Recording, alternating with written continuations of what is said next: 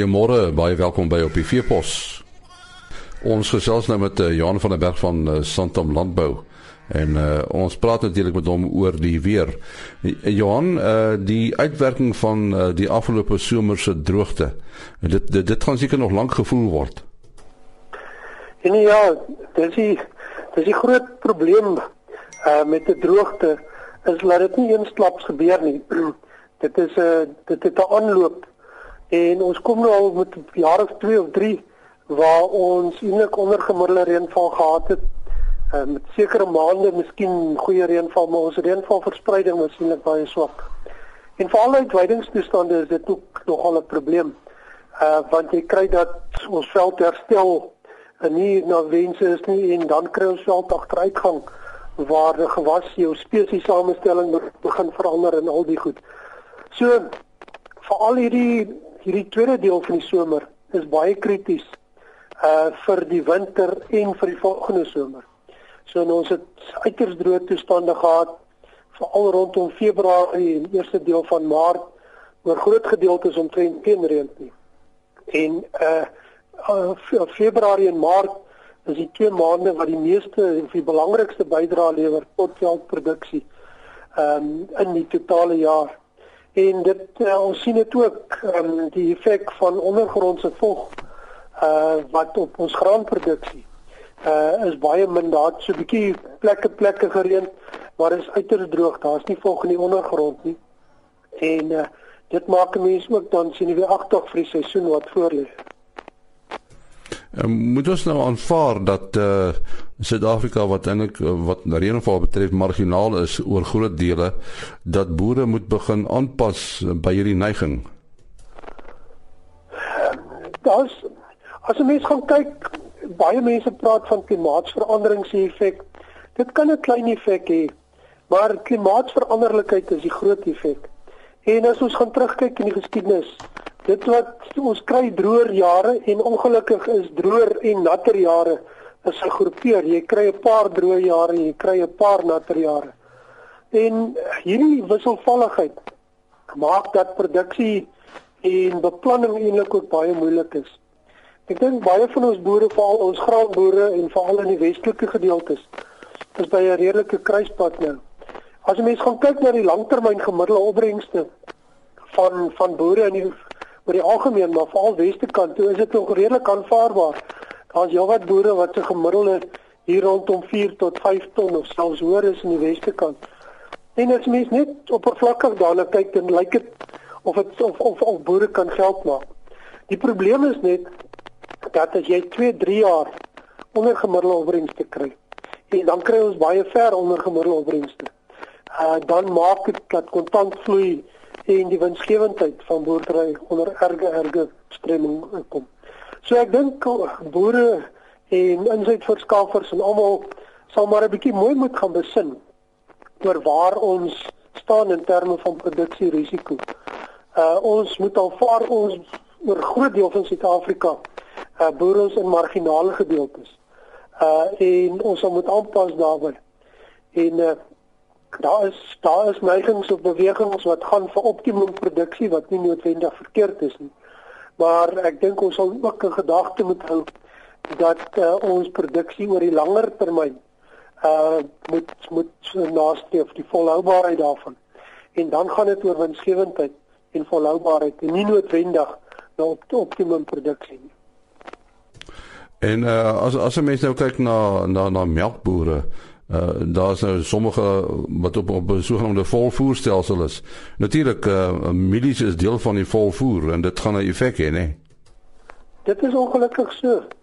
Uh dat ons met ons laer produksie vanjaar as gevolg van die droogte het pryse opgegaan en uh mense moet sien wat gaan gebeur, maar die kans dat mieliepryse in die volgende seisoen dramaties gaan afkom is nie baie goed nie. En uh dit kan dit kan die voerproduk of dit kan die voerkoste vir soos jy genoem het melkbore nogal redelik hoog hou en selfs ons voerkrale en hierdie onder uh, en, en mense wat wat vee voer redelik onder druk hou wat betref vir die winsgewendheid daarvan. Is dit hoekom baie boere veral hier in die noorde van die land hulle wend tot wildboerdery? Ek weet dit is nie die enigste rede nie, maar is dit gedeeltelik daarvoor verantwoordelik? Ek dink daar is hoofsaaklik ander redes uh daarvoor uh die die wildbedryf uh se arbeid is waarskynlik minder en dit is een van die probleme.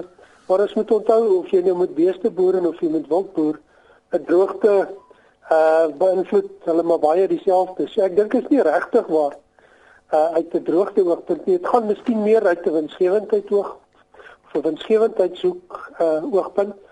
Uh uh met pryse wat nou goed is, maak dit dalk sin.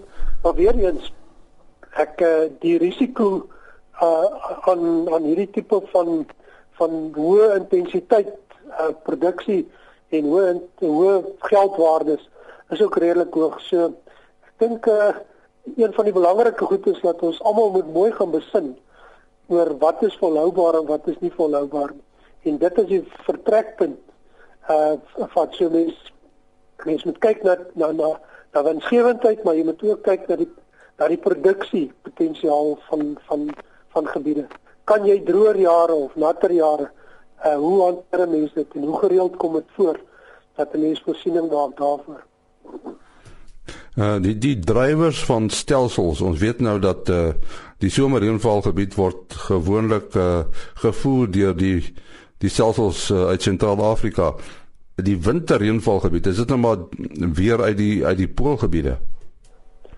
Ons winterreënvalgebied kry hulle reënval met koue fronte wat van die pole uh af af beweeg en 'n laagdrukstelsel vorm want onthou daardie arm of of 'n groep koue lug wat wat oor die land beweeg. Uh, koue lug is swaarder as warm lug. So dit beweeg op die oppervlakte en die lug wat bo kan dit is word dan opgedruk in die hoër vlakke van die atmosfeer en dit veroorsaak dan dat reën voorkom. En so dis die winterreënvalsteks is reën of die die meganisme hoe hulle reën kry ja. So daar's geen korrelasie tussen dit wat uit Sentraal-Afrika kom en en die stelsels uit die poolgebiede nie. Nie regtig waar nie. Ehm um, dit is twee totaal onafhanklike stelsels. En mense sê onafhanklik, dit kan wees dat eh uh, die met met as dit redelik reën in die Weskaap, dit sê dat eh uh, ons stelsels bietjie verder noord is normaalweg lê, eh uh, wat dan 'n negatiewe effek kan hê op die volg uit die uit die trope. Maar weer eens moet mense onthou dit is twee verskillende reenseisoene uh wat wat dit gebeur. So die tropiese is in die somer en die, die winterreënval se se stelsels kom natuurlik dan in die winter voor. Jy het nou baie daarvan gepraat dat uh hierdie somerreënvalstelsels word dikwels beïnvloed deur deur wat in die uh, Indiese Oseaan aangaan. Dis natuurlik nou nie waar vir uh vir die winterreënval nie. Nie regtig waar nie. Daar kan 'n invloed wees maar dit het nie die effek nie wat onthou die siklone in die tropiese nou, of in hierdie gebiede rondom Madagaskar um, kom in die somer voor want dan is die seeoppervlak temperature baie warm. Wintertyd is die son meer na die noordelike halfrond en dit het nie regtig waar effek nie. So daar's daar's baie min indien enige effek uh van wat in die Indiese Oseaan aangaan en die winterreënvalgebied. Ja, daar is nou mense wat vra of hierdie droogte en noodwendige tamelike koue winter voorspel. Dit is baie moeilik. Ons het al 'n keer probeer kyk. Uh wat 'n mens wel kan sê, as die lug droog is, dan kry mens baie keer meer uitstraal uh snags want die hitte wat inkom, daar's nie 'n konversie effek van vog in die lug wat keer dat dit teen uh, uitgaan weer. So dit kan dit veroorsaak dat ons droë lug dat ons baie koue nagte kan kry. Maar nie noodwendig uh, as uh, as ons as ons koue fronte redelik gereeld en hoog deurkom, kry ons ook dat ons daar dan kouer is. En uh, so daar's nie dit kan reën saam daarmee gee veral oor die sentraal na suidelike gedeeltes. So dis baie moeilik om dit regtig waar te sê. Ehm uh, ons ons winter het eintlik op hierdie stadium redelik laat begin. As mens vat daar was maar een of twee ryp nagte hier in April uh wat matige ryp gegee het, nie eens baie swaar het nie. En ons is al hier in die amper in die tweede week van Mei en ons ons temperature is nog steeds ons nagtemperature oor die algemeen bokant 0 grade. Ja, ons sê dit wat dat koue eenhede nodig is uh, vir die vir die vrugteboere. Is dit ook nodig vir verwyding? Nie regtig waar nie. Vir die veiding uh is uh dit dit dit help natuurlik dat wortelgroei plaasvind as daar nie boogrondse groei so sê erg is nie en dat ons stimste stimulering in die in die grond kry daarvan. Maar dit het nie dieselfde effek op veiding as wat dit op koring uh wat 'n wintergewasse steen dan ons vrugtebome het nie. Want daar is 'n spesifieke hoeveelheid koue eenhede nodig uh sodat daar uh, chemiese omsettings kan plaasvind wat produksie dan beïnvloed. So in die, oor die algemeen is koue winters eintlik negatief uh vir veidingstoestande want dit laat die kwaliteit van veiding agteruit gaan uh, en daar's ook nie nuwe groei nie, maar dit verskaf daarom nodige rustyd vir die plante. Dit was dan uh, Johan van der Berg van Santam Landbou gepraat oor die weer wat baie belangrik is vir uh, boere. Maandagoggend is ons terug. Tot dan, mooi loop. Ah.